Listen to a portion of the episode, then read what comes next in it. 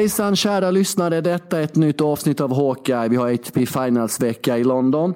Hawkeye är Sveriges bästa tennispodd med mannen bakom Vamos Raffa, David Torstensson och Sladjan Osmanagic. Det är alltså jag som har nästlat mig in i Davids härliga tenniskollektiv. Som, som tidigare var bara du då, men nu är det väl ett kollektiv emellanåt när vi är två inblandade David? Eller hur ser du på den saken? Nej, det gjorde jag inte. Men det, Vamos Raffa har väl varit ett kollektiv. Det var ju det, det blev ju någonting för att folk var så sjukt engagerade i början. Jag hade ju någon livechatt där på sidan och det var folk som skrev liksom 50-100 kommentarer till inlägget och sådär. Nu har ju, det, det folk skriver inga kommentarer på internet längre Sladjan. Så nu, numera är det väl folk som lyssnar och det är du och jag som är kollektivet eller något sånt där.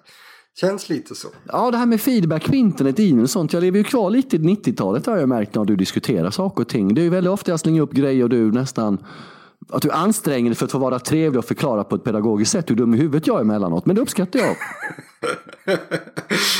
ja, det är väl bra. Någon ska tala om det också. Ja, det uppskattar man ju väldigt mycket. Men jag känner, vi som varit inne på bloggen senaste dagen, det känns som att det brinner om dina fingrar lite. Den kreativa lusten är enorm. Det är väldigt mycket inlägg och lite längre inlägg än vanligt David. Mår du bra? Är allt under kontroll? Ja, men det är väl det jag gör kanske. Nu, nu är jag ju lite trött idag. Jag var uppe klockan tre i natt. Det är superkonstigt. Men jag har väl varit pigg och stark här senaste dagarna helt enkelt. Och ja, men då är det ju lättare att jobba. Eh, och så är det ju ganska kul med ett ATP-slutspel. Man blir alltid, jag, jag blir alltid så att jag blir lite extra peppad precis i slutet på säsongen. För då, då ser jag framför mig att det kommer ju bli liksom en ökenvandring i december här. Så då får man ju passa på och liksom tycka att det är lite extra härligt nu i, i slutet. Vi har ju väldigt mycket dubbelmoral vi tennisälskare. Vi älskar att säsongen mm. är långsam så tycker vi att den är för kort ibland. Jag håller med dig fullständigt om att ATP-slutspelet är en väldigt, väldigt skön känsla. Men Innan vi går in på det så hade vi Funisarnas slutspel i Milano förra veckan som vi tog upp i förra veckans podd. Och wildcardet, ung italienaren 18-åring Jannik Sinner vann hela spektaklet. Och du hade ju en lista här i nu har ju du och jag lite problem med närminnet. Det är sånt som händer. Eh, vi vet att någonting hände för åtta månader sedan, eller åtta veckor sedan, eller åtta dagar sedan, eller åtta timmar sedan emellanåt. Men någon gång i typ så här våra, somras, höstas har vi garderat oss ganska bra. Så hade du en lista av de tre mest intressanta namnen på Challenger-touren just nu. Och det var ju flera som klagade på att inte den här finnen var med. Men Jannik Sinner var med. Och eh, han visade ju enormt, enormt mycket tycker jag i Milano här. Framförallt David kanske att han och att han torskade sista gruppspelsmatchen mot Umber efter att ha vunnit mot Ymer och, och var det Tiafova. Eh, eh, eh, så går han ändå och vinner semifinalen och så slår han Dimanor, Dimanor i finalen, storfavoriten. Väldigt enkelt. Det är lätt att bli imponerad av. Jannik Sinner är min långa ledning till dig. Du är nervös för att jag ska hacka på dina uttal, eller hur? Du, du, du, du anstränger dig otroligt mycket på Umber här. Ja, Umber ansträngde mig på det, det, kan vi, det, det, det erkänner jag jättegärna. Men Diminaur tror jag inte jag ansträngde mig mer än vanligt, nej. Nej, nej, nej. Jag vill börja med att säga att finnarna har börjat förlora. Så alla som skriver alla de här massmailen om att jag ska prata mer om finnen. Så han har börjat torska nu. Mm. Han har mm. torskat eh, tidigt i flera challengers mot dåliga spelare. Så alla ni, ni ska lugna er. Han är inte så där bra Eh, som ni tror. Han kan säkert bli bra någon gång men han är liksom inte, man, man ska inte riktigt nämna honom i samband med bra spelare som Sinner. Mm. Vilken kille Sladjan. Vi kommer älska den här spelaren i så otroligt många år. Eh, ja, vad ska man säga? Jag, jag skulle säga att det här det är svårt, man liksom glömmer bort snabbt Medvedevs genombrott här i... Ja, det är såklart på en helt annan nivå. Det är väldigt ovanligt det händer det han gjorde. Men alltså det här med sinne. Han är 18 år, han är alltså född 2001. Den här killen. Han, han kan spela slutspel i tre år till. Eh, Topp 100 i världen nu, det skrev jag om på varmsurfa.se i veckan. här. Det är väldigt ovanligt att man är topp 100 i världen när man precis har blivit 18 år. Det är väldigt få som har varit det. Och han är ju mycket bättre än så redan nu. Han är ju, ser man till de han mötte i juniorslutspelet här så är han ju redan topp 50 och troligtvis med marginal. Så han är ju liksom som han ligger till just nu så är han ju uppe och nosar på absolut topp för sin ålder. Alltså historiskt sett också. Jag skrev i veckan att senast någon var så här förhållandevis bra i den åldern jämfört med motståndarna. Det var förmodligen Nadal och det är 15 år sedan. Så man ska ju veta alltså det här är ingen, det här är ingen ung kille i mängden som kommer upp och är lite bra. Det är liksom inte Choric eller någon sån där som kommer upp och är den här killen han är ju duktig liksom. Det här, det här, är, det här är spets. Han kan bli absolut bäst den här killen. Och det som jag tycker är kanske mest intressant med honom det är ju alltså spelstilen. Han, jag delar ju alltid upp tennisen inom olika eh, vad ska man säga, kategorier på något sätt. Eh, serv, fysik, snabbhet, eh, teknik sådär. Alltså, det, det, är inte så ofta det finns någon som har alltså maximal potential inom i princip alla olika kategorier. Han, kan, han har liksom längden för att få en, en serve som är absoluta toppen. Han har bra teknik där. Grundslagen, ja det kan bli hur bra som helst. Som sagt, han är lång men han är ändå snabb. Det är otroligt ovanligt att en så lång kille rör sig som han gör. Eh, han verkar ha psyket också. Alltså det, här, det ska bli sjukt kul att se nästa säsong för han kan bli han kan bli löjligt bra redan nästa säsong. Det, det, liksom, det, det är topp 20 och kanske topp 10-varning på honom ganska snart. Han är alltså 18 år gammal. Det är ganska okej. Okay. Mm. Håll den, håll den, håll den topp 10. Jag tycker vi bedömer honom utifrån att du tittar lite närmare på eh, hur mycket han kan klättra nästa år. Så låter vi liksom, vi tar ett år i taget. Jag har inte, sett, inte för att han bryr sig om att vi sätter tryck på honom direkt då, men Eh, eh, som du säger då, Nadal som 18-åring, det är 15 år sedan. Det blir ganska höga förväntningar redan där. Eh, eh, eh och det är lite intressant med på en helt annan nivå som du nämner. De har ändå fått två intressanta breakthroughs. En på den omedelbara toppen och en nivån under som ska bli mycket intressant att hålla det, kika på. 1,88 lång är han formellt, men det stämmer inte. Han måste ha växt lite sedan den mätningen, va? Jannik ja, Sinner. Ja, ja, han ser ju, alltså han är, han är 1,95 skulle jag säga. Jag har precis fyllt 18. Han för, växer ju förmodligen. Det ser ju inte ut, alltså.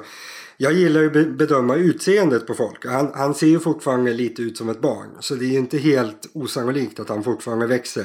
Han har ju liksom, han har växt ganska mycket i år och kanske lite till. Så alltså, han kan ju bli en två meter lång och som han, ja, fysiken är där kan vi säga. Mm.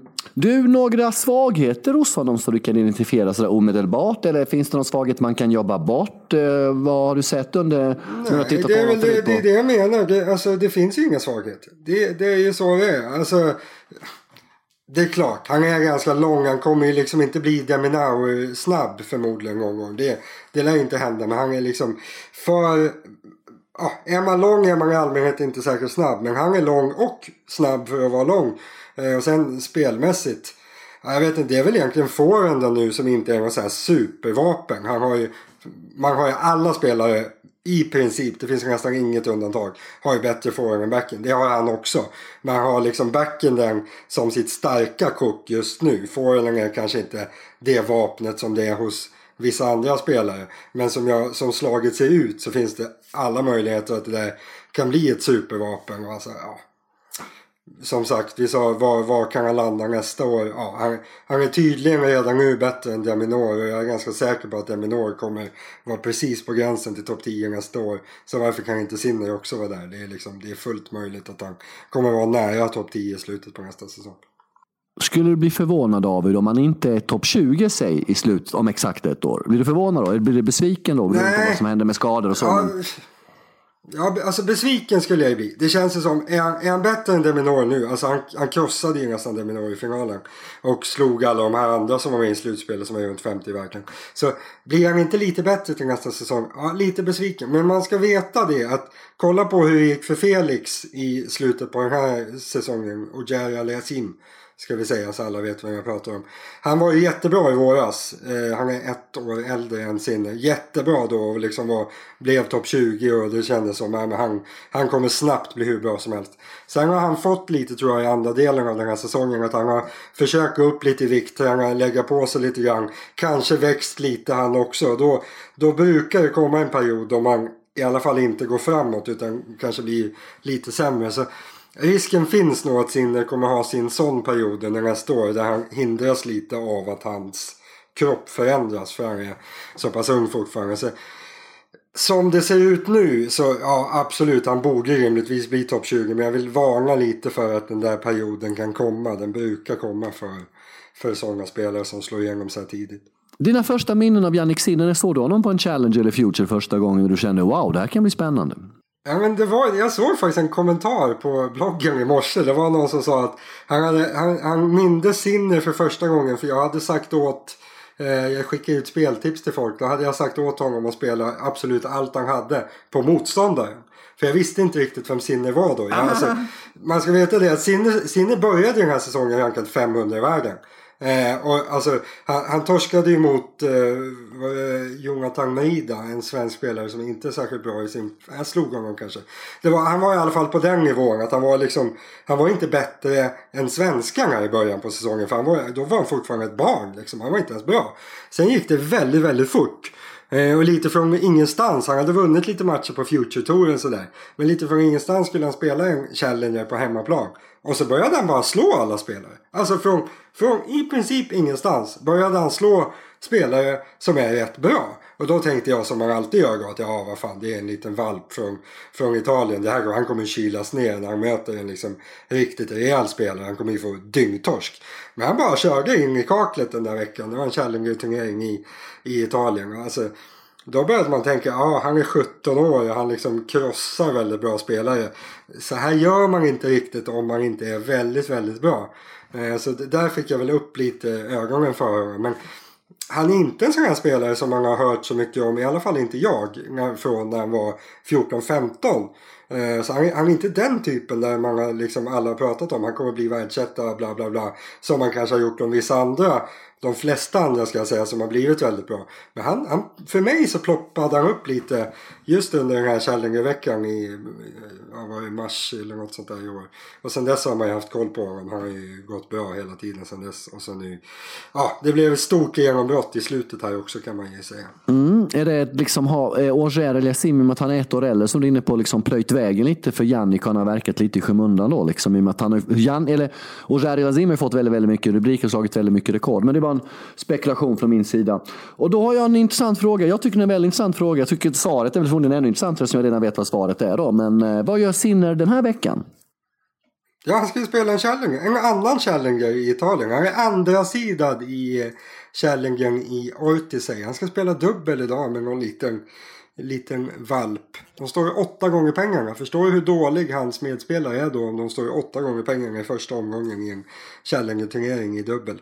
Eh, men det är väl rätt imponerande Sladjan att man efter det här sjuka genombrottet, okej okay, att han var anmäld till den här Challengern, men han spelar den också. Det är sjukt. Ja, och det här vill jag komma in på. Jannik Sinner har ju någonting extra bara här. Han har en moral, han har en arbetsmoral, han har en känsla som är enorm. Den här italienaren från norra Italien, Sydtyrolen blir det väl då den tyska, är väl till och med hans modersmål skulle jag gissa va?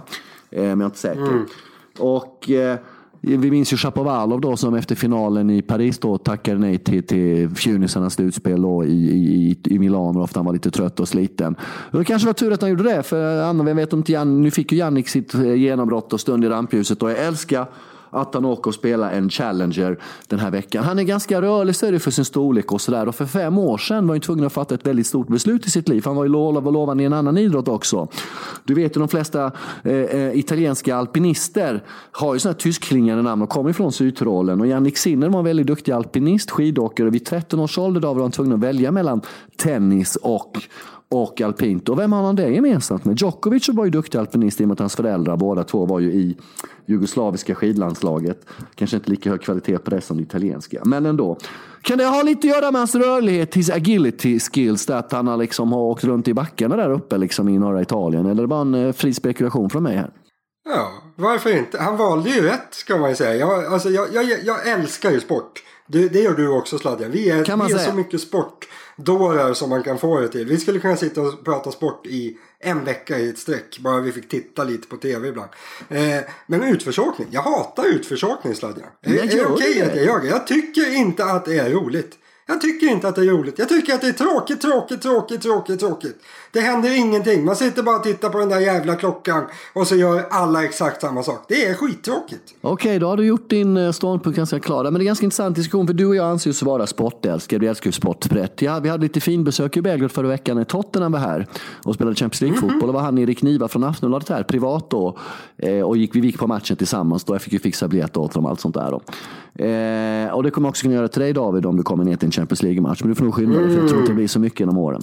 Men eh, Och då pratade vi, fan det har alltid varit fascinerad Erik, att jag är så brett sportintresserad. Folk tror att det bara är fotboll och i viss mån tennis. Men jag älskar ju all sport, medan han enkom är fotboll. Han har försökt att vara en bredare fotbollsälskare. Vi är båda liksom uppvuxna med Sportspegeln på söndagar, SVT, en kanal, två kanaler hit och dit. Och det var ju liksom brett sportälskande. Så det är ganska stor skillnad där. Så att, eh, det är ganska kul att få ändå prata NBA och NFL, hur passionerad man är med folk som inte har den passionen. Det kan vara ganska kul. Men nu lämnar vi det åt sidan.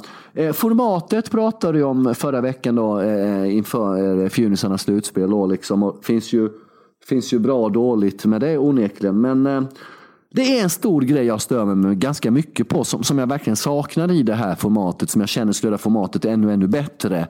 En grej är det. Ska jag ta den eller har du någonting att klaga på där först? Men vadå, ska, ska, du, ska, du, ska du hacka på, på mitt format? Jag tycker att det är allt fantastiskt. Jag känner, jag känner mig förolämpad av att nej, du nu ska säga något nej. negativt. Nu blir jag, jag blir orolig för att vi ska bli osams här. Nej, nej, det är ingenting att bli osams. Jag kan sakna i gamen att det är, inte finns någon fördelsboll. Att vid 40 mm. lika är det, både, är det fördel för båda eller det kan både vara break och gameball. Där saknar jag ett kampmoment, där saknar jag den psykiska mentala kampen mellan två spelare. Och jag tycker matcherna blir lite för korta och snabba. Visst förstår jag att det är superlätt att programmera matcherna, men om du spelar sådana här fem set A4 game, hur många games går till skillnad? Hur många minuter kan det handla om? Den andra matchen kanske bara en halvtimme senare maximalt än programmerat. Det är inte så jävla farligt. Jag saknar det momentet, för det går lite för fort när det blir 4-2, 4-1 och det kom ett break direkt och hit och dit. Där kan jag känna att det blir lite på låtsas, liksom, som, som upplevelse i tv-soffan. Så det skulle vara skitkul om Malin fördes bollen där igen. Det är, enda, det är det enda lilla jag har klagat på. Jag tror det skulle göra stor skillnad, men det är det enda, enda lilla på. Kan du, har du jag, jag tycker att det finns, jag tycker det finns en, ja alltså jag, försöker, jag, jag, sa, jag sa väl det innan eller skrev att det är kanske det jag skulle lägga till. Men när jag satt och tittade på matcherna den här veckan. Det finns faktiskt en stor, ett stort plus med det.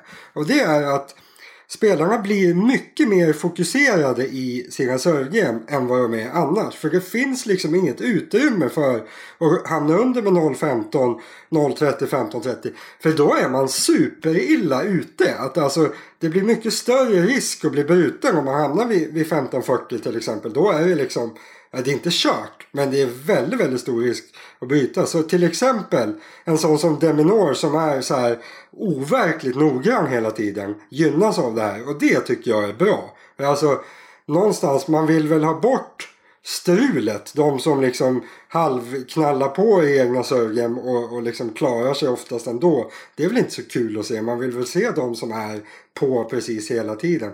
Eh, jag tycker att det är ett plus. Men jag, ja, jag, egentligen håller jag med dig. Fast jag, jag noterade det där plusset den där gången. Eh, annars så allt var bra. Det, plocka in det mesta i, på ATP-touren direkt skulle jag säga. I vissa turneringar. Yes, eh, framförallt då inga linjedomare i hockeysystemet. Även om det blev diskussion där mellan Davidovic och Fokina som inte verkar ja. så sportslig typ och Kecmanovic. Därför Davidovic och Fokina så ville se en repris två gånger som visade att bollen var klart och tydligt ute.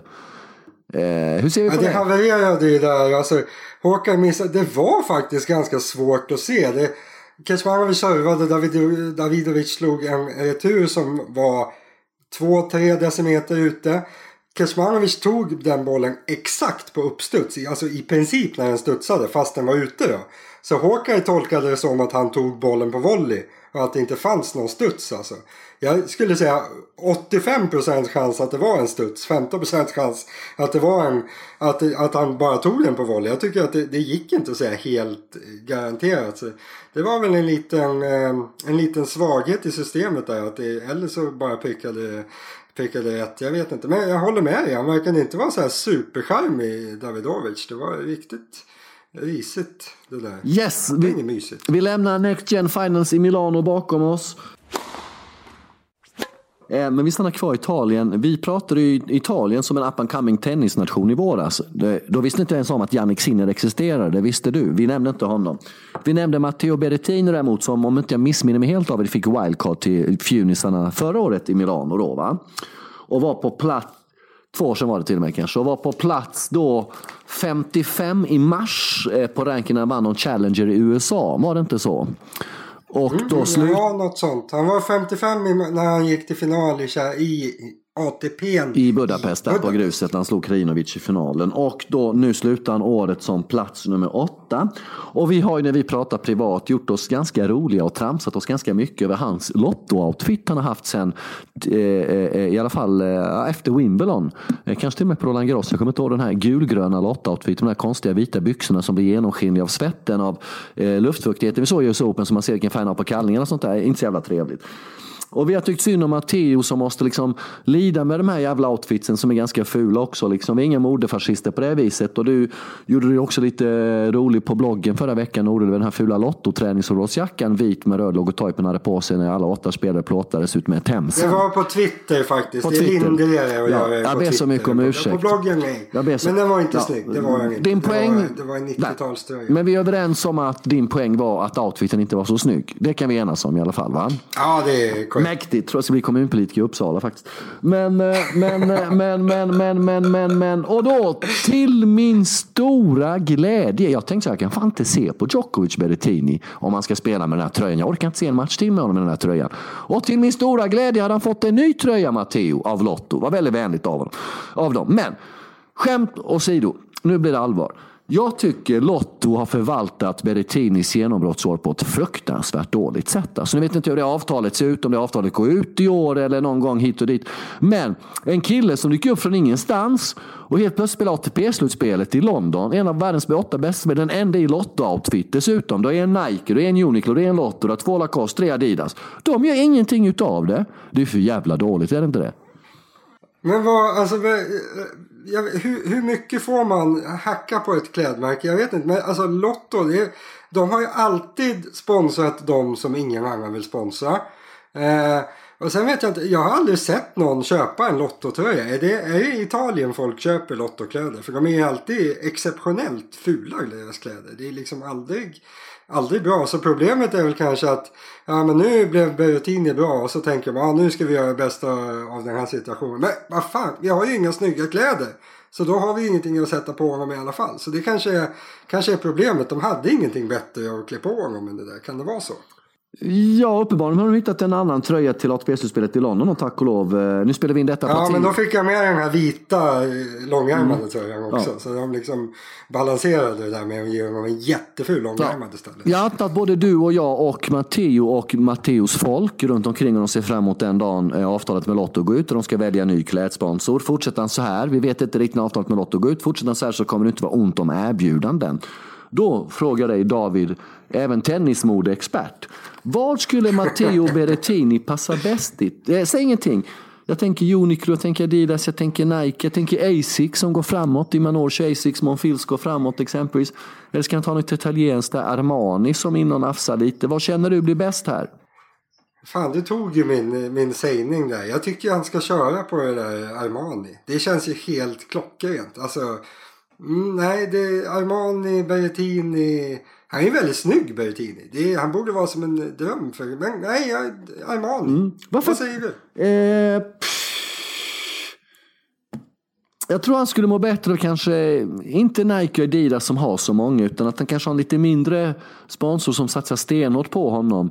Kanske som Tachin gjorde med Djokovic en gång i tiden när en Uniqlo tog över Djokovic som Uniqlo jobbar med, med, med Kio och Roger nu.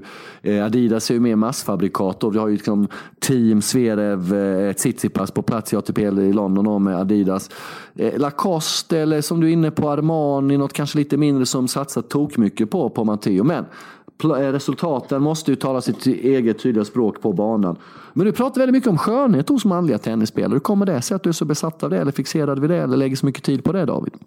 Vad ska man annars sitta och kolla på? Alltså jag, jag sitter ju och tittar på människorna hela tiden. Klart som korvspad att jag måste bedöma dem utseendemässigt. Vad är problemet? Du ser bara, du ser bara tennisspelaren Sladjan. Jag ser hela människan. Ja, men vilka är de tre snyggaste i ATP-slutspelet i London? De tre snyggaste spelarna. Ta din lista nu. Oj, tre... Mm. Oj. Helt oförberett. Ja, men jag får, då, det, är alltid, det är alltid enklare att börja uppifrån. Och då, alltså, Tsitsipas är ju snyggast. Sen börjar jag jag börjar tycka sämre och sämre om honom måste jag säga. Jag tror inte att, att han är särskilt trevlig om jag ska vara ärlig. Men snygg är han och det kanske är det som är förklaringen. Är man sådär snygg då behöver man inte vara trevlig. Det är ju bara så det är. Eh, sen Berrettini blir ju två. Han är, han är bra snygg Berrettini. Det är liksom, eh, nej det är bra. Det finns eh, inga svagheter riktigt. Eh, trea. Sen börjar det bli, det börjar kännas liksom urholkat. Jag vet Redan? Inte. Jaha ja. Men Roger, ja, kommer inte in på plats tre? Alltså, nej, Roger är inte, jag tycker inte att Roger är snygg. Eh, Djokovic, nej. Nadal, nej. Team. Nej, eh, Zverev, usch och eh, Medvedev. Oj. Ja, det var svårt för dig. Du får göra en topp två helt enkelt. Greken etta, Tsitsipas och tvåa Berrettini. Vi utsåg ju greken till supertrev i våras. Nej, men jag tar Federer, jag tar Federer okay. som trea. Alltså, okay. i brist på annat. Okej, okay, okej. Okej, vi lämnar skönheten åt sidan. Först och främst Matteo Berrettini, oavsett om man spelar i fula eller fina lottokläder. Grattis till ett fantastiskt härligt tennisår. Vilken jävla prestation. Och, och grattis till utseendet. Ja, och Italien David här alltså. De har ju mycket intressant i olika Fognini blir liksom 30 plus, Berrettini 20 plus, Sinner 18. Det är ju en väldigt ljus tennisframtid Italien går till mötes här, är det inte så? Ja, de var väl sju eller åtta de var på topp 100 nu. Det är ju löjligt bra om de nu också får den riktiga toppen i Sinner samtidigt som Fognini har kvar några år, Berrettini också ung. Nej men de är ju, alltså det är ingen skräll egentligen för det om man ska eh, ta, fläka ut sig lite grann kring det där så Italien är ju det land som har, jag tror att det är de som har flest Challenger-turneringar.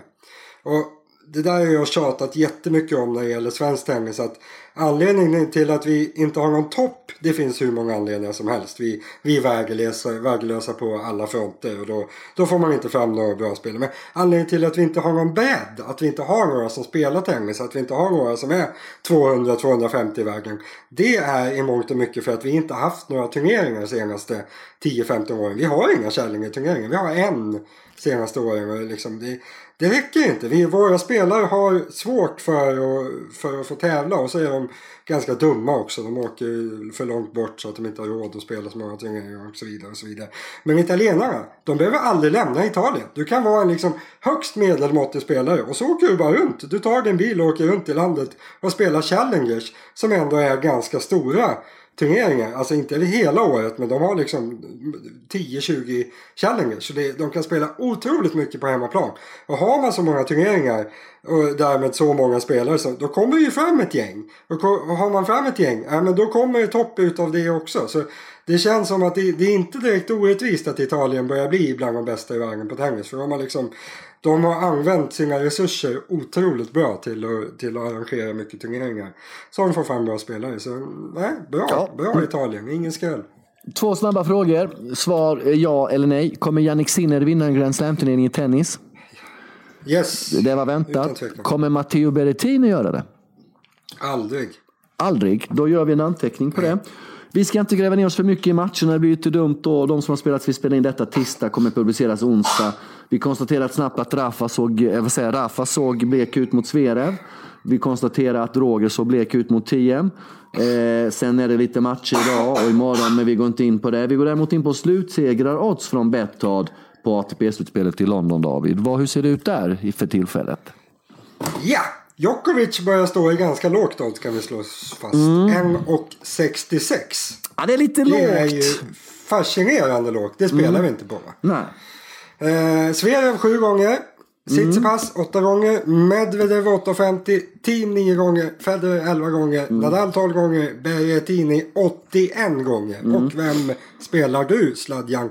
Osman Agic. Jag spelar inte Berrettini, jag spelar inte på Danny eftersom Super-Danny har tagit semester. Ganska naturligt efter mm. en uh, höst. Kommer du ihåg, tiden går så fort men man glömmer bort hur han, kommer du ihåg hur, hur tejpad han var varje match i US Open? Ja, sant. Alltså, det är kanske är därför han spelar dåligt nu, han har ingen tejp. Alltså ja, det kan det vara då. Eh, Roger välja inte. Eh, för han såg inte så bra ut mot TM. Raffa såg väldigt blek ut mot Zverev. Zverev såg jävla bra ut alltså. Trots allt, eh, trots allt regerande mästare. Tsitsipas. Eh, det blir ju svårt det här David. Alltså någonstans så står det mellan Zverev och Djokovic som jag ska spela på. Då, det kan inte, ja, jag, jag får spela på Novak till 1,66 lik förbannat då. Du då? Ja, jag plockar ju Nadal alla gånger i veckan. Vill du ha en motivering? Ja, gärna. Ja, men han sa ju efter matchen, det var inget problem med magen, han var bara dålig. Eh, så det, borde, alltså, det är ju en positiv grej. Han var, han var, jag tror han var superotränad, vilket kan låta helt overkligt. För alltså, han har ju tränat på bra fram tills för en vecka sedan. Men jag, jag tror att Nadal, Nadal är liksom så mycket träningsprodukt eller vad man ska kalla det. Att om inte han kan träna på en vecka, vilket han inte har kunnat göra nu, nu med tanke på att han har sparat magen där. Då blir han tydligen helt värdelös. Om han då får träna lite grann nu. Alltså det är ju fullt möjligt att han blir tillräckligt bra för att slå Medvedev och sitt pass Och då är han i semifinal med 12 gånger pengarna. Uh, ja, det känns lite märkligt att han står högre än eh, många av dem. Mm, då är ni på semifinal mot Djokovic sannolikt på lördag om Djokovic vinner sina två resterande gruppspelsmatcher. Och det är ju den i princip en direkt avgörande matchen som kommer vara världsetta vid årets slut. Ni hittar oddsen hos Betthard som förut har de högsta och bästa tennisoddsen. Federation Cup, eh, damernas motsvarighet till Davis Cup, avgjordes i helgen. Det var Frankrike-Australien i final. Frankrike vann med 3-2 efter att eh, Garcia Mladenovic hade slagit Barty och Stoser i den avgörande dubben. Och det är fascinerande med Frankrikes tennisbredd på alla håll och plan och kanter. Kan de vinna killarnas Davis Cup också tror du? I Madrid, snart. Mm, ja, nej jag tror inte det. Eh, så de, nej, det blir svårt om man inte har, det kommer ju vara bra spelare med där. Djokovic kommer vara med, Nadal kommer vara med, Medvedev kommer vara med väl. Eh, nej, jag tror inte, alltså de har inte den där eh, ettan för att vinna, tror jag. Men ja, de är rätt bra. Hyfsat dubbelpar, hyfsat två. Mm. Inte ofarligt. Du har ju dragit en liten lista, herr Torstensson. Ja! Du är inte så glad. I sista stund. Ja, I sista stund. Ja, du är ju väldigt missnöjd med det faktum att de ska flytta ATP-slutspelet från London till eh, Turin. Mm. Och det har att göra med lite olika orsaker som inte du har nämnt, men som jag har filat lite på. Det har att göra med din flygrädsla. Det har att göra med att mm. det är mhm. väldigt nära mellan Stockholm och London. Vad fan tar det? En och en halv, två timmar mm. att flyga. Mm. Det har att göra med att du hatar att resa. Att du inte tycker om att lämna kommunen huset, gården du bor i. Det handlar om att du tycker det är en uppoffring att åka till vårdcentralen och hjälpa barnen. De håller på att dö. Men alla är vi olika. eh, och då tycker du är så jävla missnöjd med det här Turino. För du tycker det är långt bort. Det är södra Europa. Du kan inte lita på folk. Där, där, ja, lite sådär hit och dit och blaha blaha. Och då har du varit så fräck så att du redan planerar för ett liv efter Turin. De flyttar väl till Turin 2021 va? Så kör de Turin tre år om jag har förstått det hela rätt. Eh, och sen ska man välja ett nytt ställe. Då. Och då har du gjort en liten lista då med förslag eh, på väldigt, tre olika typer av städer måste jag säga. Så att det blir mycket följdfrågor på det. Men du kan väl dra din lista och börja med plats du, nummer tre för en gångs skull. Du tycker, inte, du tycker inte att ditt resonemang faller lite med tanke på andra placeringen på listan? Olika typer av städer som jag sa. Men ta det från plats tre och två och ett nu snälla. Och så ja, tar du dem. Ja, Börja med plats nummer tre du gosig. Ja, ja, jag kör. Jag kör. Eh, ja, alltså det bästa, som, som Sladjan säger, jag vill ju inte åka särskilt långt. Eh, till Stockholm har jag drygt en timme. Så det vore väl utmärkt att spela i Globen Sladjan. Varför har vi inte slutspelet i Sverige? För tennisen är död i Sverige heter Tennisen är död i Sverige. Ja, men det vad fan. Det skulle bli fullsatt. Det skulle vara jättetrevligt. Skulle säkert kunna pressa in en 16 000 människor i Globen. Det skulle bli succé.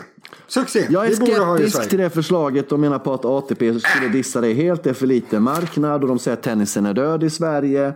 Det skulle inte gå, nej. Då får vi väl väcka upp den. Tänk lite på svensk tennis här sladden. Vi skulle få en massa pengar. Ja, det är jag fan den enda som... Det kriget har man krigat i många år. Att, eh, att, att tennisen visst lever i Sverige. Det står vi fast vid. Plats nummer två David. Ja, där tänker jag lite så här. Alltså, slutspelet är ju fest. Alltså det ska ju vara tennisens liksom ja, firmafest på något sätt. Det ska ju vara kalas. Så varför spelar man inte i Las Vegas? Man borde ju spela på något av de här kasinorna där de har UFC-galorna och allt det. Det känns som det skulle vara en rätt passande plats. Nu är ju det för långt för mig att åka som sagt. Så Eh, det får bli utan mig. Men jag tror att det skulle bli ganska bra show om man körde i Las Vegas. Klockrent skulle jag vilja säga förslag som du säger. Då. Och dessutom då tillkommer ju, nu kommer vi få ett NFL-lag nästa år. Oakland Raiders flyttar dit. Sport blir en allt större del av Las Vegas eh, nöjesutbud. Så det är en klockren, verkligen klockren grej. Skulle det kunna vara en bra plats för, eh, för, för, för exempelvis Laver Cup någon gång? Ja, mm. det kan man säga. Va? Skulle vara eh, ganska okej. Det, må, det måste ju vara något- Det fanns ju en liten ATP-turnering i Las Vegas ganska nyligen. Det funkar ju inte. Du kan inte arrangera små grejer i Las Vegas. Nej, nej, det måste Men vara de top fick typ line. slutspelet eller fick Laver Cup. Då. Eller fick något sånt. Ja. Då skulle det ju bli sjukt bra såklart. Crème de la crème. Och vad har vi på plats nummer ett David? Har vi något nytt spännande ställe? Vad kan det vara? Tell me, tell me. Precis! Nu, nu kommer jag med revolutionerande. Ja. ATP-slutspelet borde spelas i London! För evigt alltså, London, eller hur? Ja, alltså det är sjukt bra. Det är, kolla bara på hur det ser ut nu. Alltså varför flyttar man det? Det är ju det är så bra arrangemang så det är ju livet åt det. Och så, så flyttar man det till Turin. Ja, men var inte så skeptisk. Du Kom vet, igen alltså, jag tycker det, Kom Nej, igen men ärligt talat, ofta blir det så när man ska ändra på någonting. eh, Det kan handla om en tv-rättighet som Ja, går... men du kan väl göra en bra ändring? Ja men du får väl behöver för helvete låta Turin. dem hålla slutspelet i Turin en gång innan du kan Ah. göra den bedömningen av. Du kan ju inte döma ut det innan de har varit där. Alltså man, man kan ta hur dåliga beslut man vill. Men de ska få chansen ändå. Vi kan bestämma ah, men nu ska vi nu ska, vi som, nu ska vi riva alla hus i Sverige och börja bo i tält istället. Ja, men nu är det ute För vadå? nu- Det kan ju bli bra. Nu är du ute och cyklar. För det första så vet ju du också, du vet ju väldigt, väldigt mycket väl att det inte är skrivet i sten, att det inte är fast spelort i ATP-slutspelet i London. Det var dags att prova något nytt. Nu blev det Turin. En fantastiskt trevlig stad som jag haft förmånen att besöka två gånger. Några av de bästa restaurangerna, alltså, jag tror det bästa köttet jag ätit hela mitt liv har varit på ett par ställen i Turin. Oerhört trevlig och underskattad stad. Så du ska inte be- fördöma det. Mycket, mycket mindre, mycket enklare logistik, mycket bättre infrastruktur än det i London. Du kan ta dig till matcharenan, om inte planera en tre timmars färd för att ta dig till själva matcharenan. Så du kan väl åtminstone ge Turin chansen innan du fördömer det. Kan jag tycka. Jag tycker vi ska lägga i Uppsala. Vi har en skitbra trafiksituation här. Man kan cykla överallt. Det blir hur bra som. Men Vi tar i att- i och med att de stora pojkarna ska spela Kör. i Turin, då ska man ju flytta på Milano då. Vad vill ha fjunisarnas? Där tycker jag Stockholm och Kungliga Tennishallen ska vara perfekt för fjunisarnas slutspel faktiskt. Kan det vara något? Jag säger inte emot. Alltså, ja, ja, varför inte? Eller Prag eller något sånt där kanske. De körde Laver Cup första året det Ja, var i Europa. Ja, det känns väl ganska lätt placerat. Alltså, jag tycker de har lyckats i- Milano också. Det där känns som man skulle kunna... Juniorslutspelet känns som ett mindre problem. Det borde kunna finnas eh, massor med eh, lämpliga ställen att köra det på. Jag menar bara lite konstigt av fjunisarnas och det stora i samma land bara. Sagt som- Och sen Andrea Gardensi Ja. ordförande. Då blir det liksom lite väl mycket. Precis. Vi flyttar allt till det. Och de har alla spelare. Det är bara, vi förlägger all tennis till Italien. Det blir perfekt. De, har, de är ändå bäst. Yes, vi har pratat om Jannik Sinner, inte bara Italiens tennisframtid utan hela världens tennisframtid. Vi har pratat om Matteo Berrettini, vilket klädmärke han borde välja.